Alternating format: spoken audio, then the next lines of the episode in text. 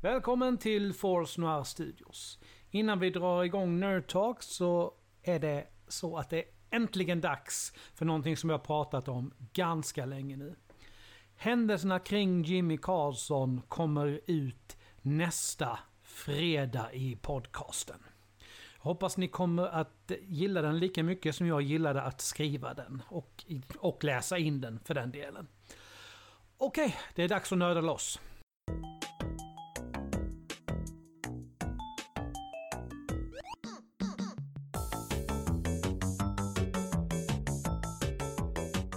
Välkomna till Forsland Studios efter en hel del teknikproblem som vi inte märkte först på, eh, på Twitch. Så har vi nu äntligen fått ordning på mitt ljud. Jag hördes för de jag sitter med men inte för de på Twitch. Men det ska vara fixat nu. I alla fall, det är dags för Nerd Talks här i podcasten. Och eh, vi ska prata böcker och sci-fi tillsammans med Camilla Linde. Välkommen! Tack så mycket! Jättekul att vara här! Ja, jag kan inte sluta garva, det är så jävla typiskt. Men alltihop, alltså jag vet ju vad det var problemet ligger. Jag pluggade ju ur micken för att jag skulle ha med den. För från början trodde jag att jag skulle jobba hela den här veckan på annan ort. Så tog jag ju micken med, med laptopen och då någonstans så tappade OBS någonting. Det är tur att jag hittade det där i alla fall så det gick att... I alla fall. Det, mm. det, det, det händer i, lite då och då i podd när vi gör det här. Alright. Då, men då, då kör vi det här som, som vi redan gjort en gång. Men vi börjar inte riktigt på samma sätt. Vad vill du att folk ska känna till om dig? Ja, jag kan ju berätta lite om mina bokserier till exempel och böckerna som jag har skrivit. Ja. Ehm, jag har skrivit då science fiction för eh, ganska många åldersgrupper, från 3 till 12 eh, ungefär. Så en eh, bilderbok för de yngre som har Mars som tema, om en liten rover som skickas iväg för att utforska Mars. Och sen så har jag en bokserie som heter Snack Parrows intergalaktiska rymdbyrå för de som är från 5-6 uppåt. Och där är det lite mer eh, humoristiskt och äventyrligt. Eh, många konstiga varelser och underliga planeter och eh, fartfyllda äventyr. Och sen för de ännu lite äldre, från nio uppåt kanske, så har jag en lättläst serie som heter Den längsta resan. Där vi befinner oss ute i rymden på ett generationsskepp. Och förutom det så har jag också skrivit lite skräck för vuxna, främst i novellform. Mm. Så det är lite om mina böcker. Mm. Sen kan jag väl nämna någonting om mig själv också. Ja. Det är kul. Det kan du få göra. Uh, alltså jag är mångsysslare kan man säga. Jag gillar, ogillar att ha tråkigt. Um, så jag jobbar ju heltid, uh, pluggar deltid och skriver böcker och har barn uh, och hund. Så mm. det finns inte jättemycket tid till något annat, men det håller mig ganska sysselsatt. Mm. mm. Så vi har en liten fransk bulldog som heter prinsessan Peach. Ja. De flesta brukar känna igen var det kommer ifrån. Ja. Så det är full fart här hemma. Och om det nu mot förmodan var någon som inte fattade så pratar vi ju Mario. Ja, precis. Och Super Mario Brothers Nintendo. Okej.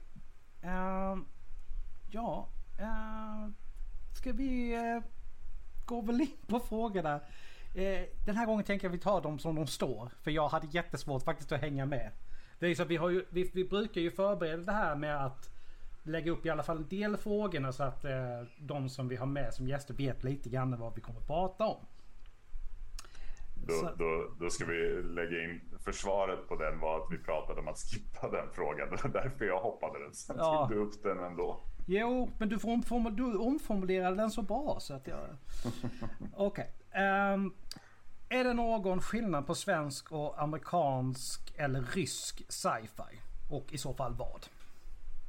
Alltså jag tyckte att ni hade mycket bättre svar på den frågan än vad jag hade, för jag är inte så mhm. himla inläst på, på det. Liksom. Jag tycker att det finns jättemycket spännande science fiction både i USA och framförallt i Sverige som man kanske inte har hört talas om. Eh, men jag har svårt att se eh, just likheter eller vad det kan vara för trender i olika länder och sådär.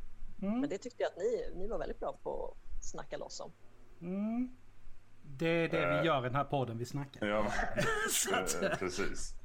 Alltså, det, det, jag tänkte som sagt Eh, och det var ju en fråga som jag hade tänkt att ställa också, men nu besvarade vi ju den ändå. Och det är ju så här, ja, om, om man ska vara sci-fi-författare måste man, måste man kunna det här, måste man veta skillnaderna på mm. klassisk amerikansk sci-fi jämte klassisk rysk sci-fi till exempel. Och det kanske svaret är då kanske nej, mm. helt enkelt. Alltså, jag tror att det är bra att vara medveten om dem, eh, mm. att de finns, eh, men att man måste våga göra sin egen grej. Eh, mm. Man kan inte liksom följa helt i fotspåren för att, som vi nämnde förut också, det är ju ganska mossiga fotspår ibland som man kanske inte vill fortsätta i. Man kanske behöver göra någonting annorlunda. Precis. Så ja, alltså, om det men våga göra annat. Alltså om man tittar just på Asimov, han är ju väldigt fast i det här, alltså när han skriver hur allting någonstans reverterar efter, efter ett tag och går i cykler. Att, mm. Som han skriver liksom att det återgår till ett barbari någonstans och sen så börjar det om. Det är ju någonting som han ofta har med i sina liksom. Och det är ju inte någonting som känns jätte, jätteaktuellt idag. På det viset. Kan inte jag Nej. tycka i alla fall. Nej. Och nu kommer jag ihåg. Eh, jag kommer inte ihåg vem det är som skriver om det här. Men det är ju en manlig science fiction-författare som skriver om framtiden och liksom föreställer sig att det ska finnas bilar eh, som alla män kör runt. Så då liksom förutspår man att ja, man kommer ha bilar, vilket inte fanns då eh, mm. när det skrevs. Man kommer ha bilar eh, i varje hushåll, men det är mm. männen som kommer köra dem för att man det var så långt ifrån att tänka sig ja. att kvinnor ska köra bil. Ja. Och det är intressant hur man då visionerar om uppfinningar, men man missar det här liksom eh, samhällsförändringarna, liksom, vad som kan hända mellan könen och liksom, det har man bara missat totalt. Mm. Ja, men då, då, är vi lite lätt tillbaka på det jag sa där också om Star Trek. Hur de mm. alla liksom i, och det är ju original series vi pratar om då springer omkring med läsplattor. Och det gör vi ju idag nu. Mm. Alla har en läsplatta eller en smartphone. Så det är, mm. det är ganska häftigt. Alltså, de, du förutspår ju ofta framtiden. Det är ju så det, det vet jag att jag har läst någonstans. Att det är ju många av de som uppfinner grejer idag tittar ju just på sci-fi. Mm. Vad har de liksom gjort, pratat om, skrivit? Och är det någonting vi kan förverkliga? De mm. hittar ju massa inspiration där till att utveckla nya saker. Ja, precis. Och det är ju en av styrkorna i science fiction just att blicka framåt och vad kan finnas och liksom hitta på nya saker. Eh, men jag vill också nämna att jag tycker att det är viktigt eh, just den här kommentaren av samtiden. De ämnena man skriver om eh, är ju ofta ja. det som är aktuellt för människor som lever då. Ett sätt att liksom bearbeta det, det man genomlider mm. kanske. Så det är också ett viktigt syfte. Ja. ja, men precis. Och det är väl den här. Det var väl mycket av det som skrevs där på. Ja, 40, 40-talet eh, eller slutet av 30-talet. Det var väl där väldigt mycket att lyfta fram sociala missförhållanden, farliga samhällsutvecklingar och så vidare. Alltså uh, Wells tänker jag, Arthur C. Clarke, ja. mm. uh, George Orwell och så vidare. Uh, på den amerikanska sidan då, helt mm. enkelt. Mm. Men sen är det lite så här också att skriva, det är ju lustigt eh, som du säger, där, men, ja, men i Star Trek till exempel, så här, ja, men, som jämförelse, ja, men där alla går runt med läspapper och så. Det är, sen är det svårt att skriva den här sci-fi som lägger sig bara li, en liten bit in i framtiden. Mm. Där man är så här, man tittar på, ja, men här borde vi kunna vara om 20 år, 30 år den kanske inte ofta, vi, vi kanske inte alltid är så snabba. Jag tänker på saker som eh, Ehm, mycket av eh, Philip K. Dicks böcker till exempel. Som kanske ofta handlar om egentligen den tiden vi är i nu. Men det ser inte alltid ut, uttryckligt så. Men, eh, men som sagt, sen finns det ju eh, då de som sitter på mycket pengar idag och sitter på stora företag som Alltså så här, Google och Tesla och så vidare. De har ju också läst de här böckerna när de, läste upp, när de växte upp. Och, och de, de, de, tar ju därifrån när de ska hitta på vad de ska ja. göra härnäst med sina pengar. Liksom. Mm. Men du behöver ju liksom inte ens gå liksom så långt. Om vi, titt, om vi då återigen sneglar lite på filmen. Tittar du på Tillbaka till framtiden. Tillbaka till framtiden 2, vi har passerat. Mm. Det de ser där, hur det skulle se ut. Och det ser inte ut så. Nej. Vi har inte hoverboards. Vi har det är alltså inte den 3D-tekniken. Alltså för Jaws var det 35 eller vad det var som det har vi inte. Vi har en del av det men långt ifrån allt. Ja, jag vet ju inte om jag hade velat se JAS 35 just men... men ja. Nej men det, det är ju det är kul att se. Det med Blade Runner har vi också passerat. Mm. Ja, men precis. Det, Exakt. Ja, det är ju Philip K. Dick. Det var det Mm. bland annat. Jo, det, det, det, tanken var faktiskt att knyta ihop det lite. Mm. Mm. Ja, sorry. Nej, nej, det, det, nej, nej, det är bara, det är kanske inte alla som hänger med på den. Men eh, då tar vi, vi, vi, vi går vidare. Eh, vilken är din egen favoritförfattare inom sci-fi? Och ni får ursäkta att jag skrattar för liksom när man sitter och säger samma sak man har sagt det blir liksom... Ja. Men det blir, det blir mysigt. Jag, jag kommer inte ändra mina svar så mycket. Ehm, men det kan ju bli lite tipsande nu också. Då. Mm. Eh, just nu läser jag eh, Becky Chambers eh, som jag tycker är väldigt bra. Skriver rym- rymdopera som är lite sådär lite feel good också. Ehm, gillar också dystopier väldigt mycket och då är ju Susanne Collins en favorit för Hungerspelen. Mm. Och så Douglas Adams, det går ju nästan inte att inte nämna. Ehm, Nej. det är ju någon som har inspirerat mig väldigt mycket i liksom tonen som jag använder när jag skriver fram, framförallt då Snack Parrow-serien. Tycker väldigt mycket om den tonen och lekfullheten och det här skruvade liksom. Det tycker jag är väldigt, eh, väldigt kul. Och så såklart min absoluta favoritförfattare Stephen King som man kanske då tänker bara är skräckförfattare men som vi konstaterar att han skriver även fantasy och science fiction framförallt då i Dark Tower-serien. Mm. Exakt, och ja, har man klämt ur sig så mycket så Ja. det är en stor risk att man rör sig över många genrer då. Ja. Mm. Och då ställer jag ju den här frågan då liksom filmen. Vad, tyck, vad tyckte du om den? Ja, jag vet att det var många som verkligen hatade filmen och eh, jag har ganska svårt att förstå det faktiskt för att om det är någonting som jag älskar väldigt mycket så älskar jag ju allt som kommer. Eh, visst, allting behöver inte vara superbra, men jag liksom uppskattar ändå att det är en del av det, av universumet. Och jag tyckte att de var helt okej. Eh, Jag tyckte att Idris Elba var väldigt bra. Jag tycker att Matthew McConaughey är Mm. perfekt som eh, The Man in Black. Så Nej, jag, jag förstår inte hatet som den filmen fick. Sen hade jag gärna hellre sett en serie eh, där man kanske Ja. fångar upp liksom, karaktärerna mer och liksom själva den stora händelsearken fick ju inte plats i en film såklart. Eh, men jag tyckte helt okej. Ja, nej men det är bara som en sån grej.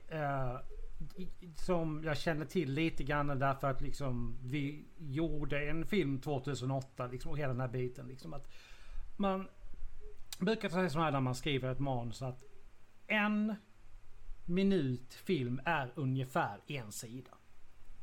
Mm. Och då tänker du på en, på bok som Sagan om ringen som är så många hundra sidor. Det blir en, rent ut sagt jävligt lång film om man ska göra det exakt. Det funkar inte. Utan då får de som ska omarbeta materialet sätta sig. Ja, det här, funkar det här att klippa bort? Ja, vi kan faktiskt eh, klippa bort Tom Bombadil för att det är en jättetrevlig karaktär men handlingen klarar sig faktiskt utan honom. Mm. Det, och det är tuffa val man, att göra i det läget men så är det. Jag tycker bara, nej, jag känner igen det där som du säger Camilla, att det här med att det, alltså, älskar man någonting så pass mycket, det, ja, det, nej, det kanske inte var den bästa versionen som det kunde ha blivit, men, men det är ju svår, väldigt svårt att hata en sån produkt. Man hittar ju någonting man gillar Ja, fall. Mm. Ehm, och det, jag, just nu, Dark Tower, så har jag liksom, ja, jag har läst och jag har sett, men jag har ju aldrig, jag, jag har tyvärr inte varit lika inne i, i den. Så att, eh, där, men däremot har jag ju andra exempel där jag har råkat ut för Mm. precis samma sak. Så att, eh, Mm. Som har känt precis på det sättet. Ja, men alltså, för mig var det här, det här var ju bokserien som förändrade mitt liv. Mm. Eh, och det, det är ju ingen liten grej. Liksom. Jag kommer till och med ihåg när jag hittade den. För vi hade, jag är uppvuxen i, i Sigtuna, men just då hade vi flyttat ner till Småland. Och Mm. jag gick i högstadiet på en liten skola i Landsbro. Eh, och jag vantrivdes otroligt mycket. Så jag hängde i skolbiblioteket hela tiden. Och där hittade jag liksom två Stephen King-böcker som jag inte hade läst. Och då var jag redan Stephen King-fan och tänkte att jag, tro, jag trodde att jag hade läst allting som fanns. Men här fanns det liksom två helt nya böcker. Och då var ju Revolvermannen och Följeslagaren mm. som var de som hade kommit då. Och jag läste dem och jag fattade ingenting. Det var så här, alltså, ja, men man, fick, man får ju liksom fragment, framförallt i ja. första boken så får man ju fragment av vad som har hänt, men du förstår mm. inte sammanhanget. Eh, du vet liksom ingenting. Vem är den här revolvermannen? Varför jagar han mannen i svart? Vad är det här mm. tornet som han vill nå fram till? Vad ska han mm. göra där? Och det väckte så mycket nyfikenhet. Och liksom, ja. det, det, är en så stor värld. Det var nästan så här svindlande att det finns så mycket som jag inte vet om här. Och jag vill bara få reda på allt. Mm. det, det måste stor... man ju ändå säga att det var någonting som filmen tyckte jag gjorde väldigt bra. Att du fick en, alltså en bra förståelse ändå på ganska kort tid. Om mm. vad det var. Att det var parallella världar och så vidare. Det, gjorde, det tyckte mm. jag den gjorde riktigt bra. Ja men det tycker jag också. Och modiga val med vilka mm. som var skådespelare. Att man liksom Definitivt. pushar gränserna. Och det, sånt gillar jag. Mm. Men Alcott, du som inte har då som du sa tidigare liksom så läst så mycket liksom sci-fi. Vad... Nej precis, jag är väl en eh, fantasy-kille i grund och botten. Det var väl liksom där det började med Tolkien och sådär. Mm. Men, men absolut, eh, alltså, intresset för sci-fi har nog växt fram med tid. Det har ju funnits där också, men jag tror det har blivit mer ju äldre jag har blivit. Ehm, och jag, det, för mig i alla fall, min absolut favoritförfattare inom sci-fi-genren, det är Dan Simmons, då, amerikansk författare. Eh, och speciellt då för hans eh, The Hyperion Cantos, som är en rad böcker om eh, planeten Hyperion eh, som jag tror släpptes i slutet av 80-talet. Om mm. inte. Ehm, och eh, den liksom följer egentligen strukturen av The Canterbury Tales eh, av eh, Geoffrey Chaucer. Ehm, och den, det, det är en väldigt, den, den har jag läst om, om igen. Det är också det stor, hög blandning av både sci-fi och skräck. Handlar liksom om en pilgrimsresa, eller första boken i alla fall, en pilgrimsresa till den här planeten Hyperion och man får höra från alla som är på den här själva resan då, liksom, om deras berättelse om varför de är här. Och det kan vara allt från ren och skär sci-fi till mörk, hemsk skräck till äh, romantiska liksom, Romeo och Julia-berättelser. Så att, äh, nej, det är mycket bra. Det mm. gillar jag verkligen. Men på tal om filmatiseringar då, som, som gammalt Tolkien-fan, vad tyckte du om filmatiseringarna? Tyckte du att det liksom fångade böckerna? och Gjorde dem ja, ja, men, exakt, jag har ju vänner som eh, inte har sett filmerna fortfarande på grund av att de vill inte förstöra sin bild av eh, böckerna. Eh, medans, medans för mig, jag ser det väl snarare som ett det, det, är ju en version av det. Mm. Och, och, och jag, alltså absolut att det kanske inte stämmer överens precis med hur jag såg det i mitt huvud när jag läste de här böckerna ja. från första början. Så här. Men det spelar liksom ingen roll för jag sugs ändå in i det och jag tycker bara det är så underbart att få se det i rörelse på det sättet. Mm. jag vet, de är bra filmer. Ja. Det är mm. inget snack om saken. Sen som sagt kan man ju gräva in sig på detaljer. Oh, varför var, vad gjorde de det här valet? Varför tog de bort det här? Och varför har den karaktären lyfts upp medan den... Absolut. Men om man bara struntar i det och bara följer med på resan så mm. nej. Ja men så, så castingen jag... är ju hundraprocentig. Mm. mm. Det, det är sällan man ser en så briljant casting som de har gjort där. Det är verkligen 100% rätt person för rätt roll. Alltså. Mm. Mm. Absolut. Jag tänkte säga det om Dan Simmons också. Han, eh, om man vill eh, se något, alltså i rörlig bild av det, så mm. finns ju en tv-serie som jag tror fortfarande finns. Jag kollade upp den, den, den jag tror den går på Amazon. Mm -hmm. Amazon Prime. Mm. Som heter The Terror. Oh. Skräckserie om ett skepp HMS Terror som fastnade i ishavet på slutet av 1800-talet. Mm. Uh, och det är i alla fall den författaren som mm. nice. favorit sci-fi författare. Som då rör sig i skräckgenren också. Som mm. uh, sagt, det, det som, vi, som våran gäst här ja. rör sig mellan olika genrer. Men alltså det känns ju någonstans som att det är väl ganska ofta så att riktigt... Alltså det finns väl inte alltså, så jätteofta så riktigt rena genrer. Det blir ofta att det blir någon kombination. Mm. Att det, om det, det är så liksom... Alltså ett, ett drama alltså då, eller någonting. Men det blir ofta en kombination någonstans. För det, det, man får mer element att leka med. Det blir lite mer intressant. Mm. Vi, jag hoppar bara in här men vi fick en fråga i chatten som frågade om Camilla hade läst Andy Weir. Eller Weir, Ja. Weir, Weir. Det har jag gjort. Ehm, några, några böcker eh, Mm. av honom. Tycker att ehm, The Martian är ju en av de bästa böckerna också som jag har läst. För att den är så... Alltså, jag har inte varit med om en bok som är så faktaspäckad som den ändå bitvis är. Eh, Mm. Som samtidigt är så underhållande. Eh, som man Mm. bara så vill sträckläsa. För jag kan ha lite svårt när det blir för tekniskt och för förklarande av processer. Då tappar jag Mm, lite absolut. fokus. Men jag tycker att det funkar jättebra där. Jag är blir nyfiken liksom på hur han ska lösa allting. Ehm, så den tycker jag är fantastisk. Mm. Uh, och gillar också Artemis, men inte riktigt lika mycket. Jag tyckte inte den var riktigt lika bra.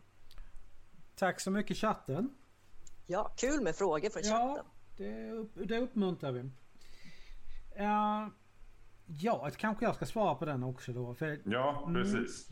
alltså för min del är det så här. Det är egentligen en författare som un, aldrig blev känd under sin levnadstid. Utan han blivit jättestor senare. Och skrev vad man då kallade för weird fantasy. Och som idag vi hade nog kallat någonting i stil med got, gotisk skräck skulle jag nog säga. Howard Phillips Lovecraft. Och han är ju som andra vi har nämnt här. Det är skräck, det är sci-fi och det är fantasy. Alltså ihopblandat många gånger på ett sätt. Du ser inte det då. Han hade en väldigt speciell ton som tar tag i dig väldigt snabbt och håller fast dig. Jag har svårt att lägga ner. Jag har en jättetjock bok med i princip allting han skrivit samlat i den. Allt ifrån kortare små eh, poem till- alltså till de här riktigt långa historierna. Där väl Call of Cthulhu är väl den allra kändaste. Mm. Och där är ju alltså definitivt en av min favoritförfattare. Just därför att han är, det är så brett någonstans. Och det är så hemskt och det är så, ja, ja ändå, ändå vardagligt på något sätt. Du, du, du känn, kan verkligen känna igen dig i det och sen kommer det här yttre hotet från ett, något helt- helt annat universum som lyckas ta sig in i vårt. Och alltså he, hela hans universum är ju väldigt ovänligt inställd till människorna. Vilket jag tycker är ganska häftigt. Mm. Så har ni inte läst Lovecraft så rekommenderar jag det starkt. Det är, han var unik verkligen. Ja, nej, Men ja, det, jag- det är bra grejer. Får jag ställa en liten pikant fråga då? Mm. Ehm, så här, författare versus liksom verket. Kan man skilja på dem då? För Lovecraft kan man ju ha åsikter om liksom personen. Ja, Just det. Påverkar det dig? När det, liksom- för jag tycker att det där kan vara svårt ibland. Eller känner du liksom att nej men verken, jag ser till verken bara? ja jag tänker- försöker nog göra det för att gudarna ska veta att Lovecraft var en väldigt speciell människa. Kan vi väl säga för att vara snälla. Mm. Ja, det, det var en väldigt speciell människa.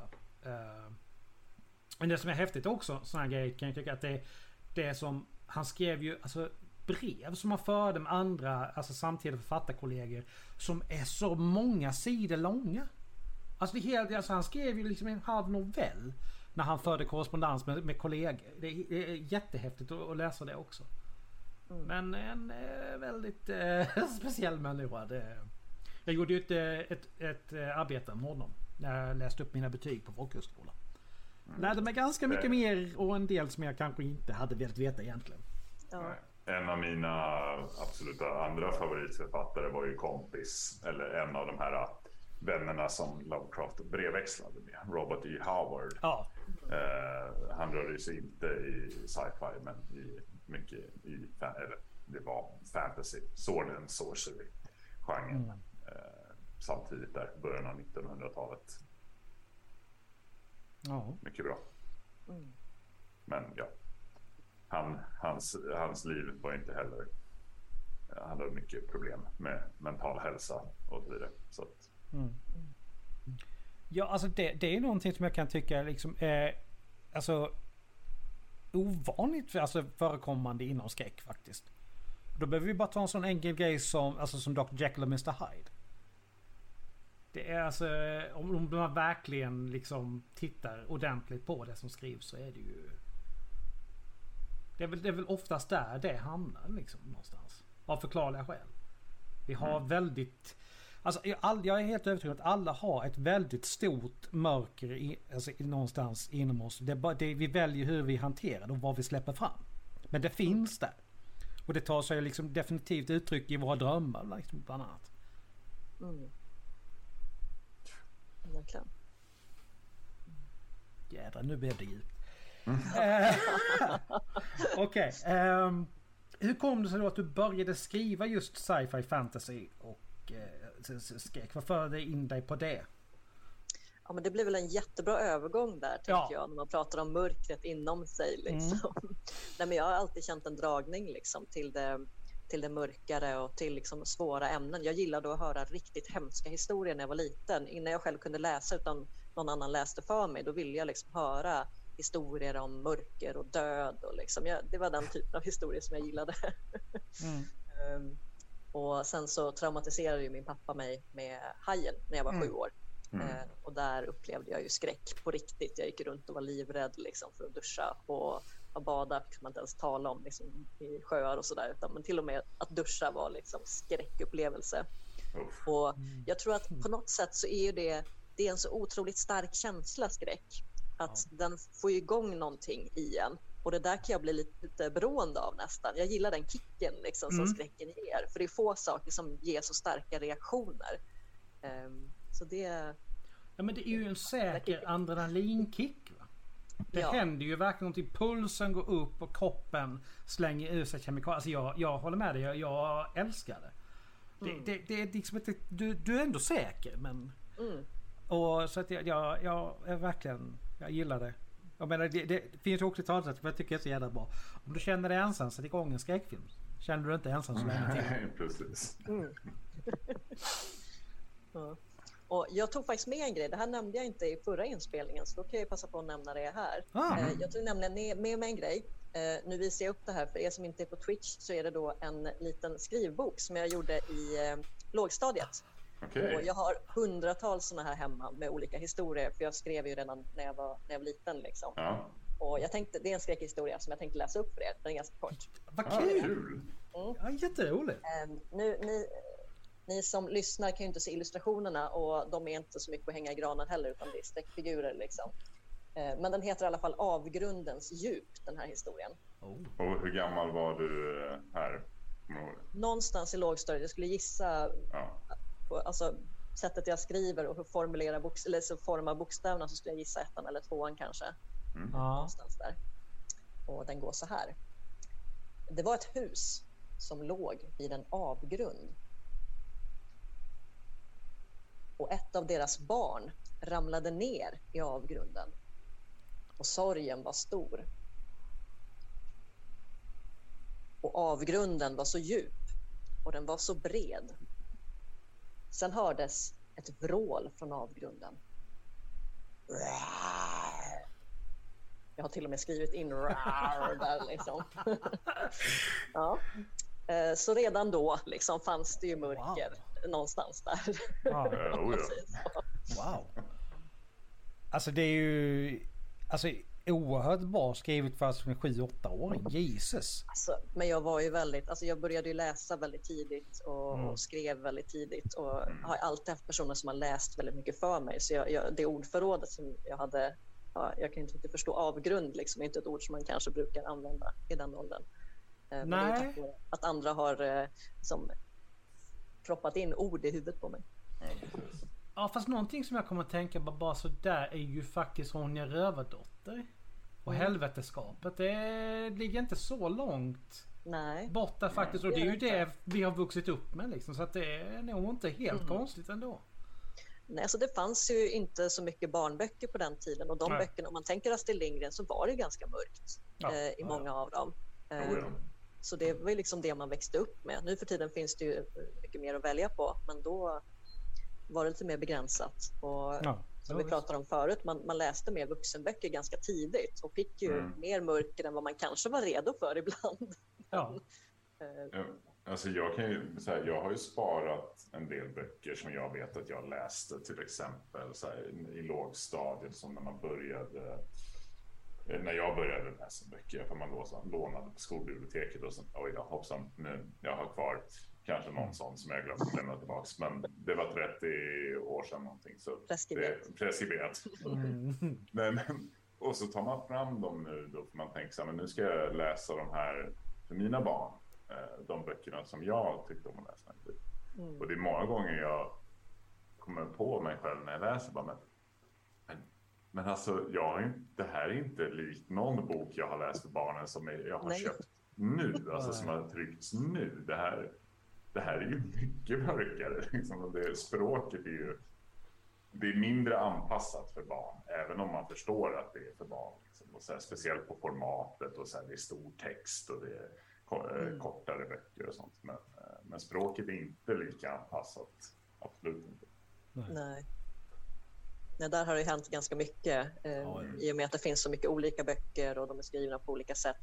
Ehm, men också kanske det är en nackdel. Liksom. Eh, man blev ju mer utmanad just eftersom Mm. det inte fanns så mycket barnböcker. Ja, Då fick man ge Nej. sig på vuxenböckerna. De var jättesvåra att ta sig igenom. Mm. Men det fanns ju ändå någon slags belöning i det. Att ja, men nu har jag läst en Stephen King-bok. Liksom.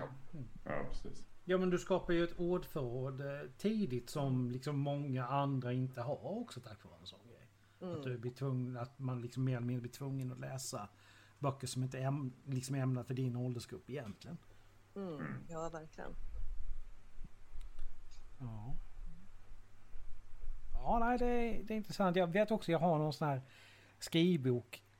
Det var länge sedan jag tittade den, men jag vet att där min lärarinna har liksom, liksom verkligen liksom skrivit en femma och tre, hade hon satt in tre guldstjärnor, såna här klistermärken i den. Hon Ja. var helt så här, hon vet att hon hade pratat med mamma, hon sagt det många gånger liksom att ja, jag är helt övertygad om att han kommer bli författare alltså, för det Men har du fortsatt skriva då? Eller? Jag har aldrig slutat skriva egentligen.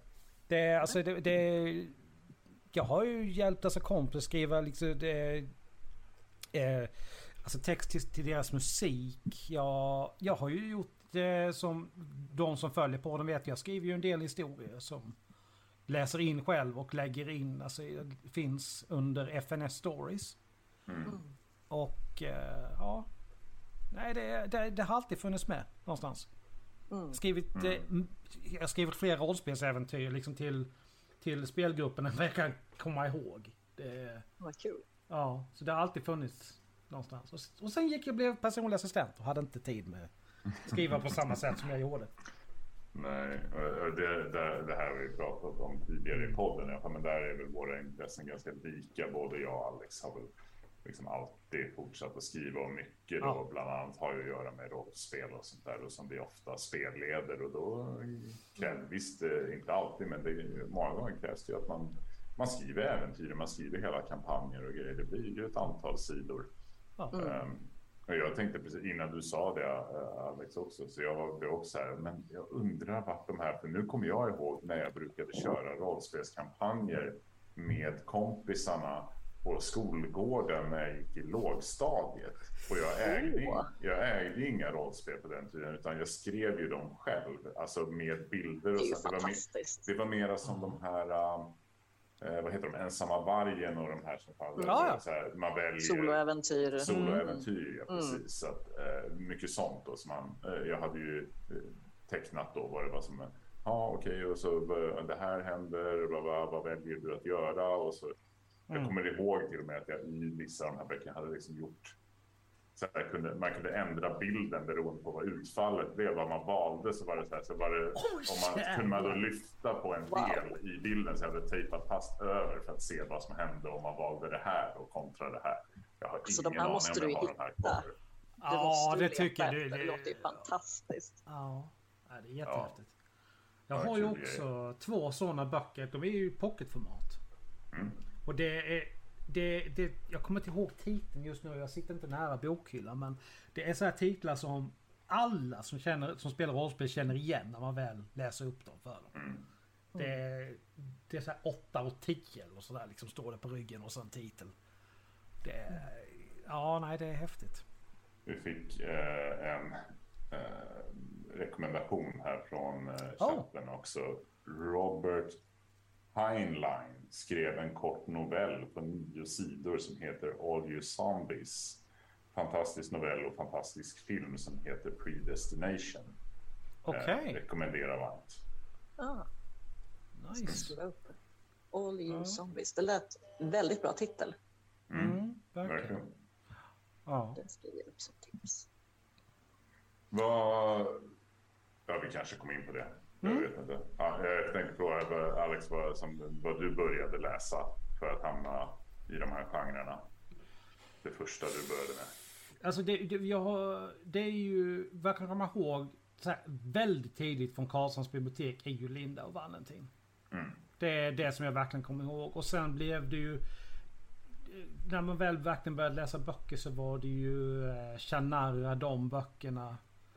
Även Sagan Mm. om ringen har dök ju...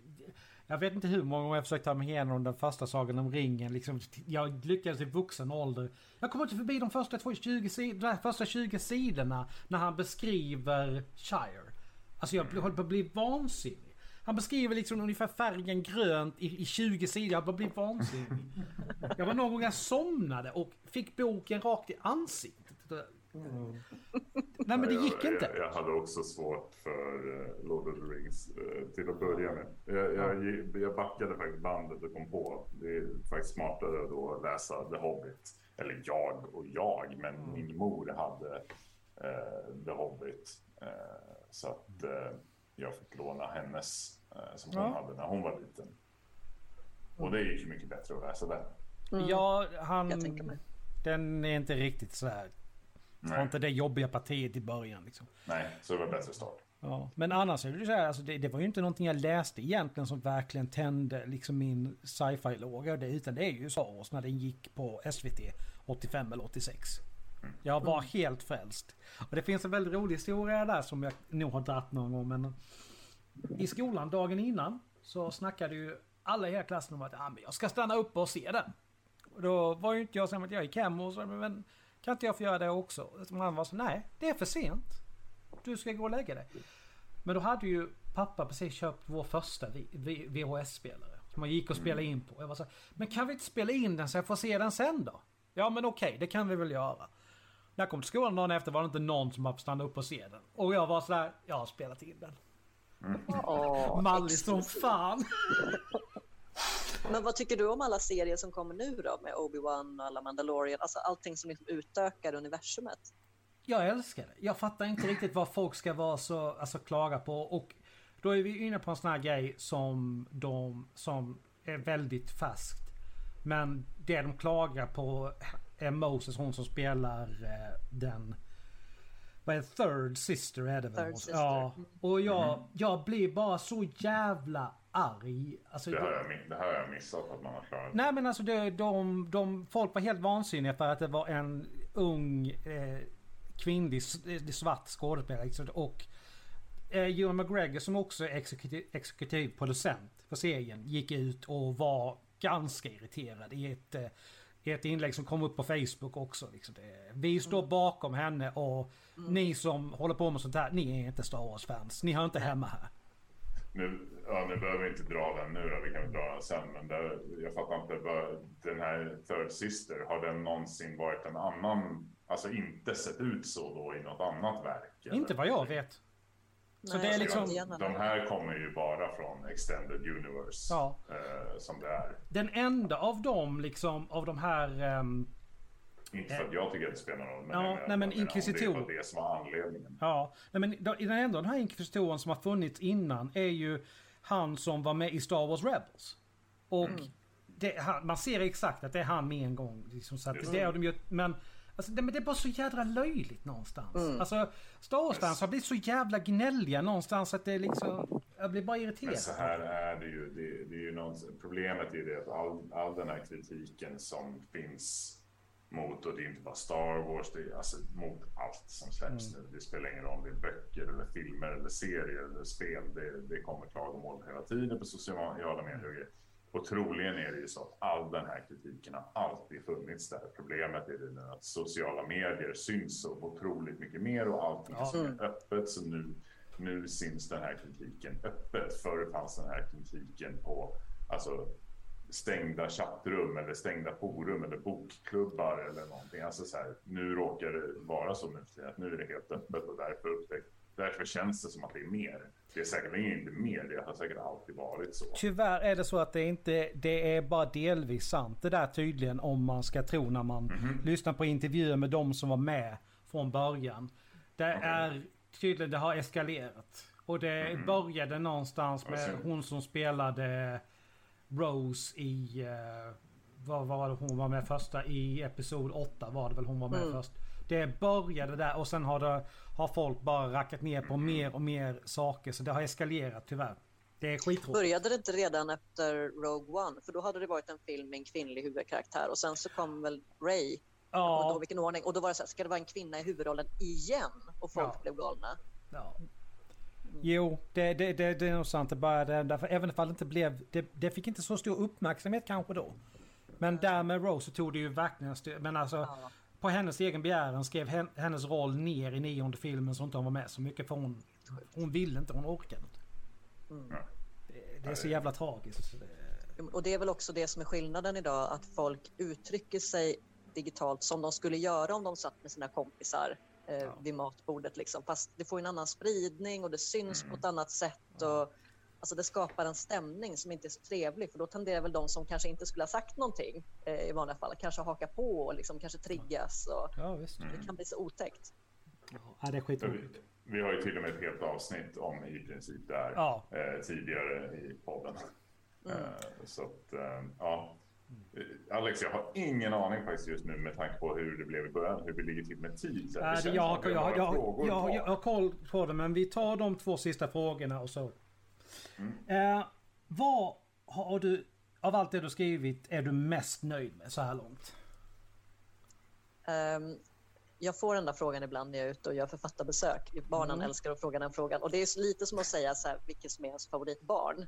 Ja. så, ja. Um, du måste välja. Jag måste välja, ja. Jag skulle nog ändå säga att det är snackserien som är min favorit. Um, dels för att det var min första. Jag hade fått så extremt många refuseringar. Um, förlagen gillar inte science fiction, framförallt inte då för ett par år sedan när jag försökte debutera. Mm. Så jag fick jättemånga eh, refuseringar just med motiv motiveringen att vi ger inte ut science fiction. Så jag mm. trodde att det var ganska kört att få ut dem. Men sen till slut var det ett förlag som nappade. Så mm. ja, men den serien ligger nog lite närmare om hjärtat ändå. Och att den har vuxit så mycket. Det har ju blivit rollspel och liksom allt möjligt. Det är ett väldigt stort universum liksom, som, jag, som jag gillar att hänga i. Ja. Men på tal om rollspel, vi eh, har ju någon som vi alla känner som du har varit inblandad med lite grann också. Daniel Lehto och hans, eh, hans rollspel. Hur, hur kom det sig? Precis, jo, men han kontaktade ju faktiskt mig och frågade om Snack Parrow eh, kunde vara en del i sagospelet Rymd. För då hade han gjort sagospelet Äventyr innan och ville liksom utöka det med, mm. med nya världar. Um, och tanken var då att röra sig in på science fiction och att uh, Snack Parrow skulle kunna bli en spelbar värld. Så det har det ju blivit nu. Eh, mm. Tillsammans eh, med Daniel och med David då, som är illustratören så gjorde vi en världsbok med mm. information om planeter och varelser och allt möjligt. Och så finns det då förslag på eh, ett färdigskrivet liksom, äventyr som man kan spela med sina barn. Mm. Så det är superkul. Daniel är ju fantastisk att jobba med. Mm. Jo, det tycker vi också. Vi, ja, jag håller med. Vi, kan, vi har tyvärr inte med honom så ofta som vi, som vi vill. Han är ju Nej, väldigt upptagen. Han är ju lite upptagen. Ja. Mm. Men, men vad, vad, säger du Alcard? Har du något sånt där som du har skrivit som du är så riktigt nöjd med? Eh, jag vet inte. Det, det är svårt. Eh, som sagt, jag skriver ju inte lika mycket nu för tiden. Jag vet inte om man kan skylla det på att vet, eh, tid och sånt där också såklart. Men, eh, men, men jag, jag är nöjd med mycket av dem. Jag skrev väldigt mycket jag vet, dikter Mm. Eh, när jag var i tonåren eh, som jag blev väldigt nöjd med överlag. Eh, mm. mycket, mycket av det, inget speciellt så, men det, var mycket sådant. Mycket, mycket så här, om, jag, om jag hade träffat en ny flicka till exempel så skrev jag alltid dikter och sånt där så, Ja. till dem. Och, eh, eh, så att, eh, och det var jag, jag är väldigt nöjd med många av dem. Annars så är det ju mycket så här rollspel då som sagt och eh, eh, där en hel del faktiskt, men eh, speciellt något äventyr som jag fick. Jag, jag gick från en blandning av, och hör här nu, Final Fantasy 7 och Den sista mohikanen. Oj! Mashup. Ja. Vi, vi behöver inte gå in på mer, men det var så det började i alla fall och det är jag ganska nöjd med. Eh, däremot så har det aldrig spelats klart, så det är lite... Mm. Ja. Själv då, Alex?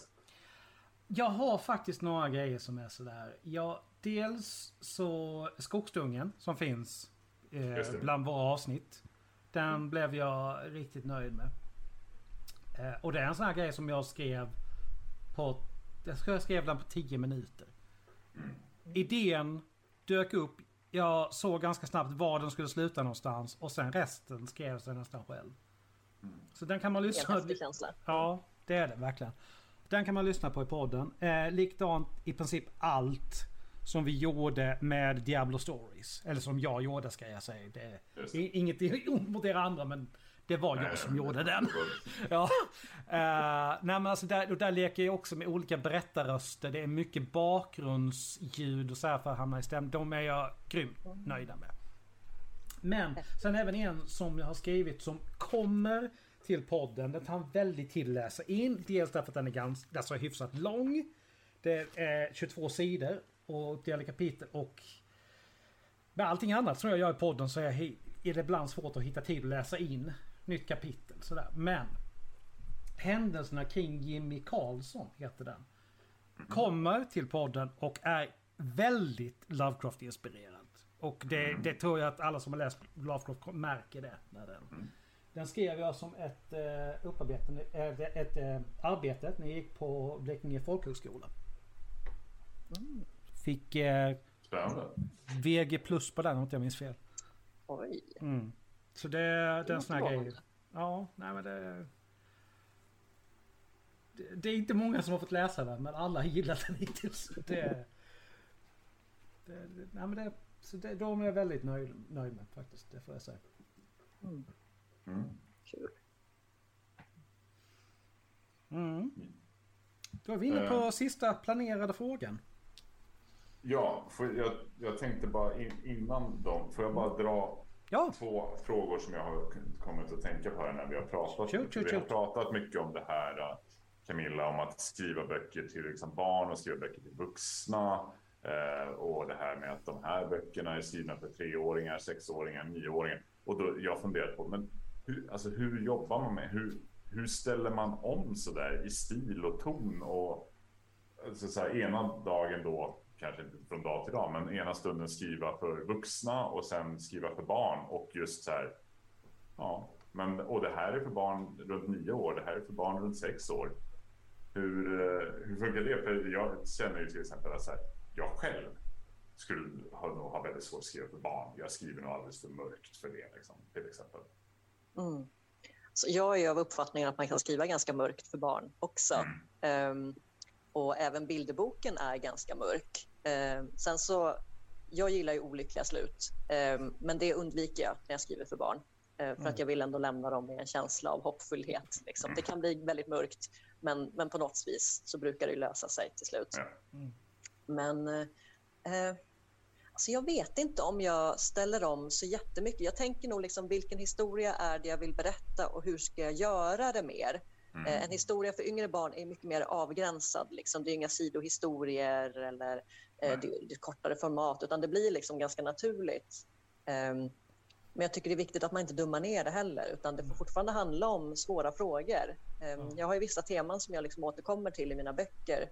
Eh, mycket om liksom gemenskap och ensamhet och, och den typen av frågor. Och det, det tycker inte jag man ska sky undan från, utan barn behöver ju höra det också. Ehm, så, så jag tror inte att jag egentligen... Jo, jag anpassar såklart. Ehm, men det är inte så att jag tänker att Nej, men det här kan jag inte skriva om. Eh, för det blir för svårt. Utan då försöker jag tänka så här, hur ska jag skriva om det så att det blir lagom? Just. Ja, men någonting som jag bara spontant kan känna är liksom att ju, alltså det blir ju mindre grafiskt beskrivet ju yngre de är. Liksom någonstans, det är väl den detaljen som man kanske behöver hålla inne på då lite grann. Man kan liksom inte beskriva som man kan göra för en vuxen liksom att huvudet det öppnade sig som en melon när skottet tog rakt i pannan. Det kan du kanske inte riktigt skriva för en nioåring. Det blir lite för Ehm, grafiskt. Jag skulle säga, som har en nioåring hemma, Ja. han skulle ju älska det. För jag tror, jag tror faktiskt att vuxna författare, det här, den här diskussionen har jag haft med andra författare som säger att man kan inte skriva så för barn. Nej. Och när jag hör hur de pratar med varandra så inser jag att de älskar ju när det är så. Det är ju liksom det som är det mest kittlande liksom.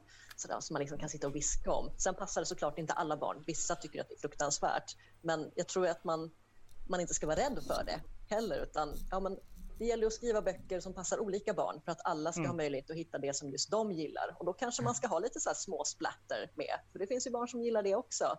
Ehm, Ja, så nej. ja, jag tycker det, använd den också. Super, tack. Bra tips. Då fick jag svar på min fråga. Hade du en till där som du hade kommit på så? du? Nej, men, nej, men det var, då, det var två Okej. frågor. Två frågor i en smäll. Men Camilla, vad händer då i år eller närmsta tiden här? Vad arbetar du på nu och vad kan du prata om? Eh, vissa saker kan jag prata om. Ehm, alltså, generellt sett så är jag ju en lite otålig person som vi då har etablerat. Så jag har ju ofta väldigt många projekt på gång samtidigt. För att det är svårt det där när man går från att eh, någonting är ens passion till att det blir mer seriöst. Det är lätt att man liksom tappar eh, glädjen i det. Och för mig har det varit väldigt viktigt att liksom behålla glädjen och lusten i det.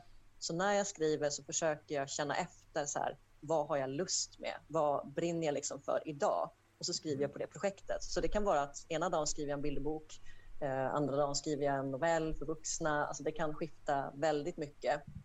Och de befinner sig ofta i olika processer. Liksom. Ibland kanske jag vill skriva helt nytt. Ibland kanske jag vill sitta och redigera och flytta kommatecken ungefär. Så det är många grejer på gång just nu. Men jag kan berätta om några i alla fall. Mm. Eh, Jag har ju en Snack 5, eh, del 5 i serien som är på Oh. gång till exempel. Senaste kom ju för drygt två år sedan så många kanske tror att det har varit slut efter det. Det har det inte. Utan vi har ju gjort världsbok och lite annat som har tagit tid. Mm. Men eh, en femma kommer där. Eh, Robotkaninernas hemlighet heter den. Oh. Kommer bli riktigt, riktigt bra tror jag. Sen har jag lite bilderboksprojekt också. Eh, ett skräckmanus för just mellanåldern som jag hoppas få in. Och två science fiction-projekt för lite äldre barn eller ungdomar. Den här allra svåraste målgruppen att nå. Då tänker jag, då måste vi hitta lite bra science fiction-historier för att få dem Mm. på läsning. Och sen slutligen så har jag ju faktiskt ett soloäventyr också. Det var så roligt att vi kom in på det. Mm. Eh, faktiskt. För jag håller faktiskt på att skriva ett soloäventyr som utspelar sig i snackvärlden. Mhm. Och det här ska vi ge ut tillsammans med Daniel. Eh, men det har blivit lite satt på paus för att eh, David då, som Ah. illustrerar, eh, illustrerar Snack 5 också. Han kan ju inte riktigt göra båda samtidigt. Utan, Nej. Nej. eh, vi fokuserar på femman först, men sen kommer det komma ett soloäventyr. Och att skriva det är en jäkla utmaning kan jag säga. Ja. Men där föll den på lätt ner för mig en grej som Daniel nämnde. Han började prata om sen typ, jag kan inte prata om det egentligen. så jag bara, ja, men okej då glömmer vi det. Vi glömmer det, för jag har inte hört någonting. Bra, då fick du uppföljningen nu. Ja, det var Ja, men precis. Det var precis. därför jag bara, aha, nu fattar jag. Okej. Eh, Så det, har jag- det går jag faktiskt runt och pratar lite om, så det är ingen hemlighet. Eh, Det är väl Nej. mer vi får se när det kommer. Ja, ja, men alltså, när han och jag pratade om det, det är ju säkert ett halvår sedan. Ja. Så då var du lite mer liksom att, Mm. Så att, ja, det var lite kul.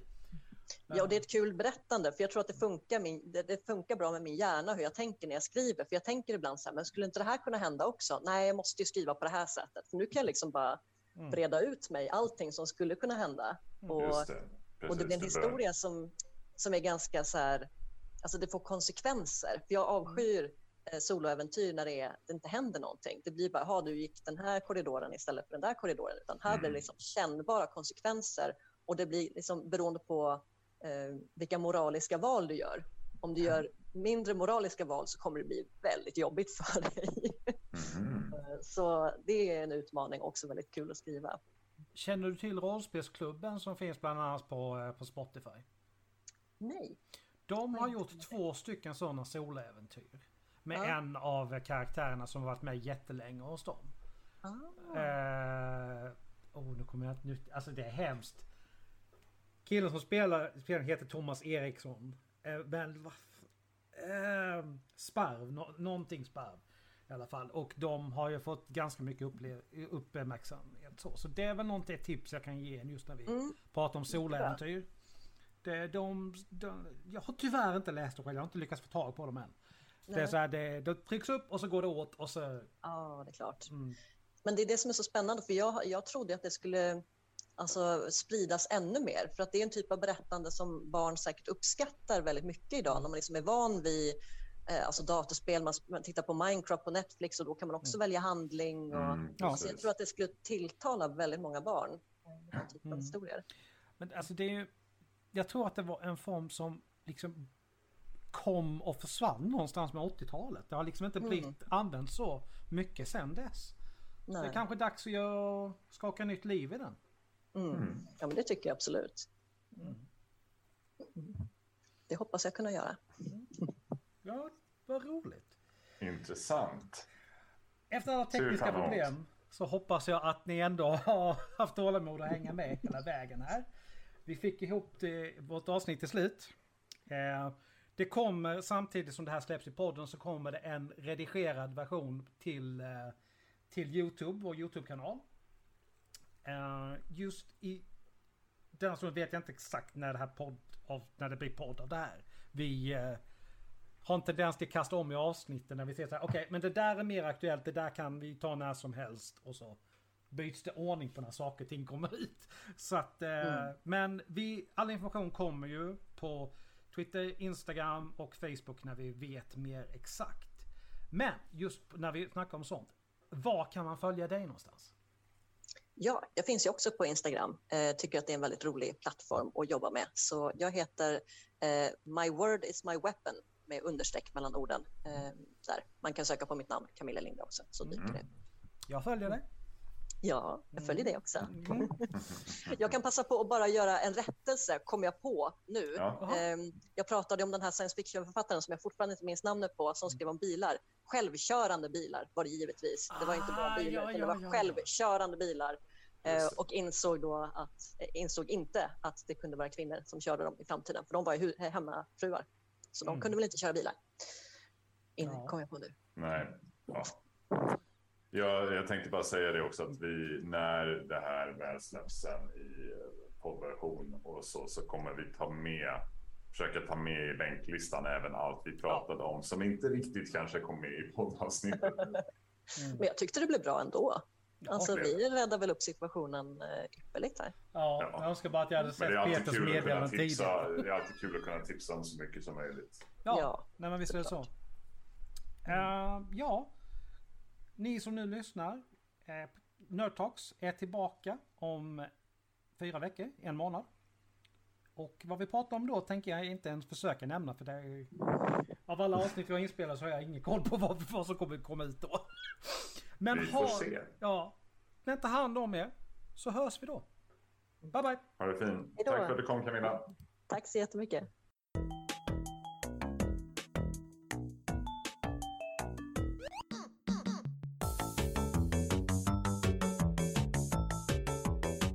Tack för att du lyssnat på dagens avsnitt. Musiken är gjord av Imaginary Stars Production.